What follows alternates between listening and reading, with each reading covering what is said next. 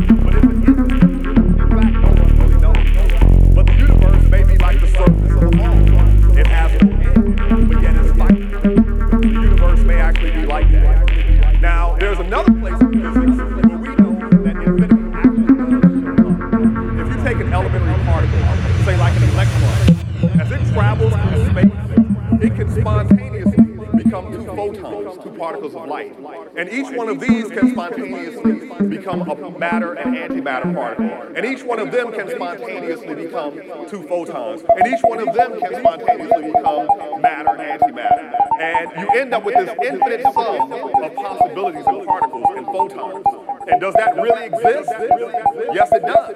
And the way we know is because when we do a calculation with quantum electrodynamics, and then we make a measurement, and we compare the prediction of the calculation with the measurement, it's one of the most accurate predictions that science has actually decimal places. And I'll challenge you to attempt to measure anything to even seven decimal places. Now, mathematical abstraction is one thing. The universe is